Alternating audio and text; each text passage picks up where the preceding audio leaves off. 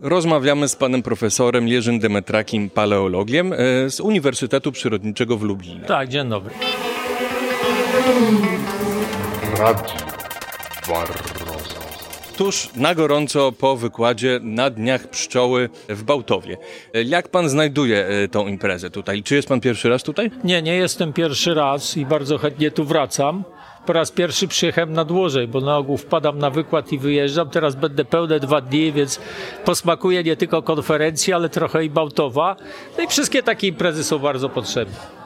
Czy również pan e, pójdzie e, na tą, na tą ścieżkę edukacyjną dotyczącą dinozaurów, na przykład okresu geologicznego? E, tak, mam, e, mam taki plan. To znaczy ja przyjechałem z żoną i żona teraz gdzieś tam eksploruje te wszystkie ścieżki. Po, pójdziemy po południu, a jutro po, mamy zamiar zostać do wieczora, no jak się uda, to, to pójść wszędzie. Pewnie to się nie uda wszystko, ale przynajmniej trochę. O tyle to jest ciekawe, że jak wiemy, prawda, no najstarsza znaleziona pszczoła pochodzi sprzed 100 milionów lat, czyli właśnie no, żyły z tymi lądowymi e, stworzeniami z poprzedniego okresu geologicznego. No, one przeżyły bardzo wiele kataklizmów, bo nawet jakieś 12 tysięcy lat to się skończyło zlodowacenie w Europie i, i myśmy od nowa te pszczoły do nas wróciły z Afryki. Także już nie było pszczół u nas, a potem znowu wróciły z Afryki. Jeżeli pan będzie pan mówił tak blisko, to się obronimy troszeczkę, Dobrze. bo to jest mikrofon, który zbiera tylko tak. O.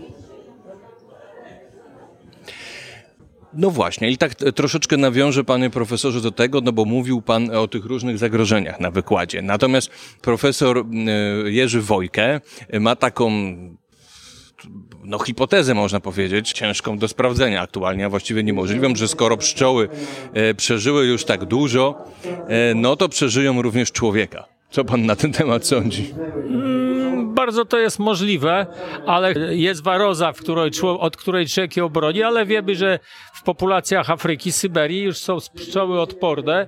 No mają wielkie szanse. Generalnie owady mają spore szanse przeżyć człowieka, moim zdaniem, więc tu bym się e, z panem profesorem e, zgodził. A jak to będzie, to no, zobaczymy. Nie spodziewa się pan raczej e, apokalipsy owadów, tak? Z powodu znaczy, człowieka. ona się dzieje, człowiek ją może spowodować, a, a że one go przeżyją, to oznacza, że człowiek wyginie i apokalipsa się skończy. Wie pana, przyroda bardzo szybko wraca do normy.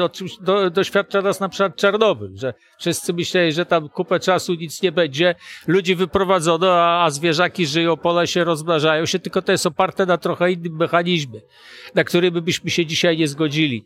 Dawniej, y, powiedzmy 300 lat temu, to 80% noworodków ginęło. Była bardzo duża selekcja naturalna. Myśmy to wyeliminowali i mamy słabszych ludzi słabsze pszczoły, ale dzisiaj żaden pszczelarz się nie zdecyduje, żeby tracić 80% rodzin, a żadna społeczeństwo, żeby tracić 80% dzieci, żeby uruchomić ten mechanizm. Ale jak ludzie zginą i znikną, to ten mechanizm natychmiast się od nowa uruchamia i przyroda się odradza. No i takie życie. Panie profesorze, yy to prawda, ale jak często w przyrodzie są wyjątki i wśród ludzi też i pszczelarzy też. Otóż jest taki ruch, nie wiem czy pan słyszał, treatment free, czyli pszczelarstwo bez leczenia. On się wywodzi z Ameryki i są tacy ludzie, którzy decydują się stracić nawet 80% pszczół. E, wśród ludzi też takie ruchy istnieją i się nie leczą. No to jest kwestia decyzji, oczywiście. Wszystko jest kwestią decyzji, że tak powiem. Natomiast e, jeśli idzie o rolnictwo, to jest druga strona tego rodzaju, że my też musimy wyżywić ogromne społeczeństwa i to tanim kosztem. No i to, gdyby wszyscy przeszli na gospodarkę taką treatment free, to tego się nie da zrobić. Nie, no to na pewno. Więc no, gdzieś zawsze jest jakiś kompromis. Okej. Okay.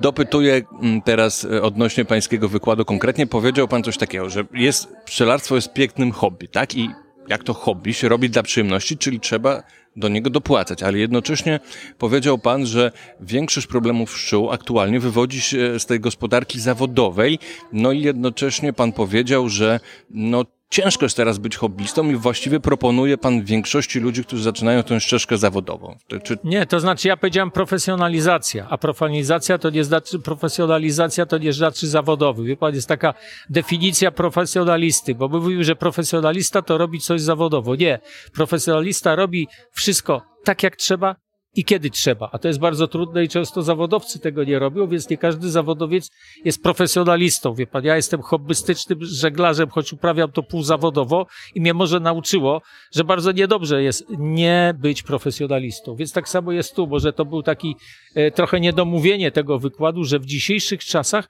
wszyscy muszą zacząć traktować to po części być zawodowcami. Czyli nawet robiąc hobby bo inaczej możemy szkodzić sobie i innych. To tyczy wielu dziedzin ludzkiego życia też.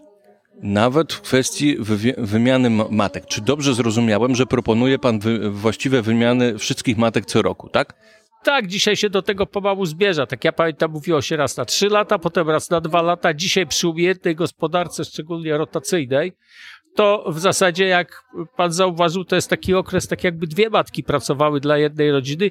To się opłaca, że to dzisiaj po dwóch latach to często matka już sama gdzieś wypadnie. Ale jak wtedy będziemy mogli znaleźć ewentualnie takie perełki, czyli powiedzmy długowieczne matki, które mogą dawać no, jakieś takie zdrowsze linie pszczół? No, to jest właśnie to, co, co u nas do końca nie tyczy, że ja mówiłem o pasiekach produkcyjnych. Natomiast pasieka hodowlana, nie każdy pszczelarz musi selekcjonować pszczoły w kierunku odporności na choroby albo długowieczności, więc właśnie to powinien robić hodowca. I, I to nie tyczy matki hodowlanej, bo matka hodowlana to bardzo często jej się ogranicza czerwienie samej w sobie i ją się zasila z zewnątrz, po to, żeby ją mieć najdłużej, bo często jak mamy taką perełkę, to chcemy ją jak najdłużej eksploatować. Więc to są dwie różne bajki.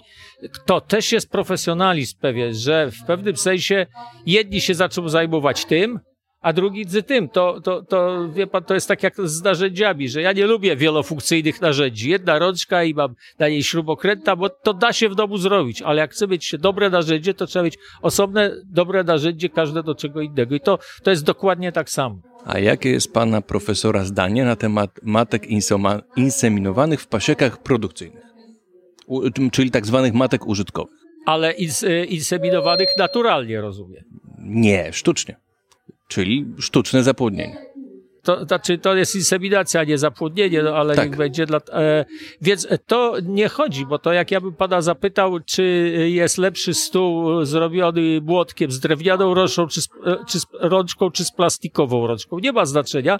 Natomiast chodzi, żeby ten, kto to robi, wiedział, co robi, jak robi i zrobił to dobrze. A z tym może być problem, ale to też dotyczy niektórych tak zwanych profesjonalnych hodowców, więc po prostu, jeżeli ktoś to robi dobrze i ma możliwości, to jest takie rozwiązanie, że on jest i producentem, i hodowcą. Tylko, że do tego wtedy powinien mieć jakąś wiedzę i podstawy. No, ja generalnie specjalizuję się w hodowli i w genetyce i mam na ten temat długie wykłady. Jeszcze w Bałtowie nie byłem i tam rozważamy problem właśnie matek sztucznie inseminowanych, naturalnie inseminowanych, przez tego, przez tamtego. No, jest do tego i wiedza, i teoria.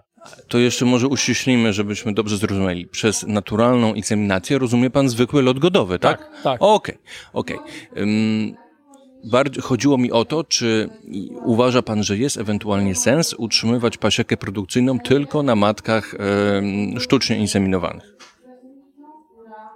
Tak, tak może być, szczególnie w warunkach polskich. Zależy też do, do czego jest. Natomiast możemy pójść na tak zwany, to tak jak i w tych wszystkich ruchach, że się godzą na stratę pszczół, tylko wtedy musimy się też godzić z pewnymi konsekwencjami. Dlaczego? Bo każdy z jakiegoś punktu zaczyna, ma tą pasiekę, no i będzie z nią pracował. Nie wiadomo, jaki był materiał wyjściowy. Dobra jest też taka koncepcja, że parę lat się poużytkuje takie matki, ktoś się dorobi jakiegoś materiału, chce się w ramach tego materiału obracać, tylko od czasu do czasu, co wie zootechnika, potrzebny jest dolew świeżej krwi. No i to jest kwestia całej strategii. Tu każdy przypadek jest trochę inny. Okej, okay. ostatnie pytanie. Czy pomimo tych zagrożeń, o których pan profesor mówił, jest pan raczej optymistą czy pesymistą? No więc wie pan, ja całe życie byłem optymistą. I zresztą historia ludzkości mówi, byśmy wielokrotnie czekali, na przykład ja pamiętam szok roku 2000, że umrzemy. I najczęściej technologia stwarzając nowe zagrożenia, eliminuje stare i byśmy się wkręcili w taki nieustający wyścig. I, i niestety nie mamy już, e, nie mamy już wyboru. No, zresztą ja mówię, mówi się, lotnictwo się bardzo rozbujało. Wszyscy latamy jeszcze parę dziesiąt lat temu, to dla mnie był to synonim ogromnego bogactwa i statusu społecznego polecieć samolotem. Teraz nie jest, ale już samoloty produkują taką liczbę spalin, że jak była pandemia i obniżono, to, to te stacje obserwacyjne raportowały, że się niebo wyczyściło świeciło. Pytanie, no to co z tym zrobić? Ale wie pan, że robi się już zaawansowane prace nad pociągami elektromagnetycznymi, skala magnetycznymi. Skala 20 lat w tej skali nie jest aż taka duża. Jeśli by po Europie takie linie takich pociągów stworzono które będą lecieć 800 czy 1000 kilometrów na godzinę, to po co nam samoloty? Więc to technologia wszystko zmienia i wielokrotnie to się zmieniło, więc ja mam nadzieję, i to jest jedyna szansa naszego przetrwania, że technologia naprawi to, co zepsuła. Tak samo jak medycyna wiele rzeczy zepsuła, to teraz musi naprawić. Okej, okay, dziękuję za rozmowę. Cały reportaż ze Świętokrzyskiego Święta Pszczoły w 2021 roku znajduje się w moim takim bardziej pszczelarskim podcaście Pszczele Wieści, ale również na YouTubie Radio Waroza. Możesz go tam obejrzeć w wersji wideo. Radio Waroza. Wszystkim patronkom i patronom serdecznie dziękuję i jak ktoś ma ochotę, to zapraszam, aby dołączył do tego grona. Zapraszam Cię na naszą stronę internetową www.warroza.pl. Znajdziesz tam także opisy odcinków, ilustracje, skróty zagranicznych artykułów naukowych dotyczących pszczelnictwa i biologii owadów, a także różne inne ciekawostki. Radio Warroza.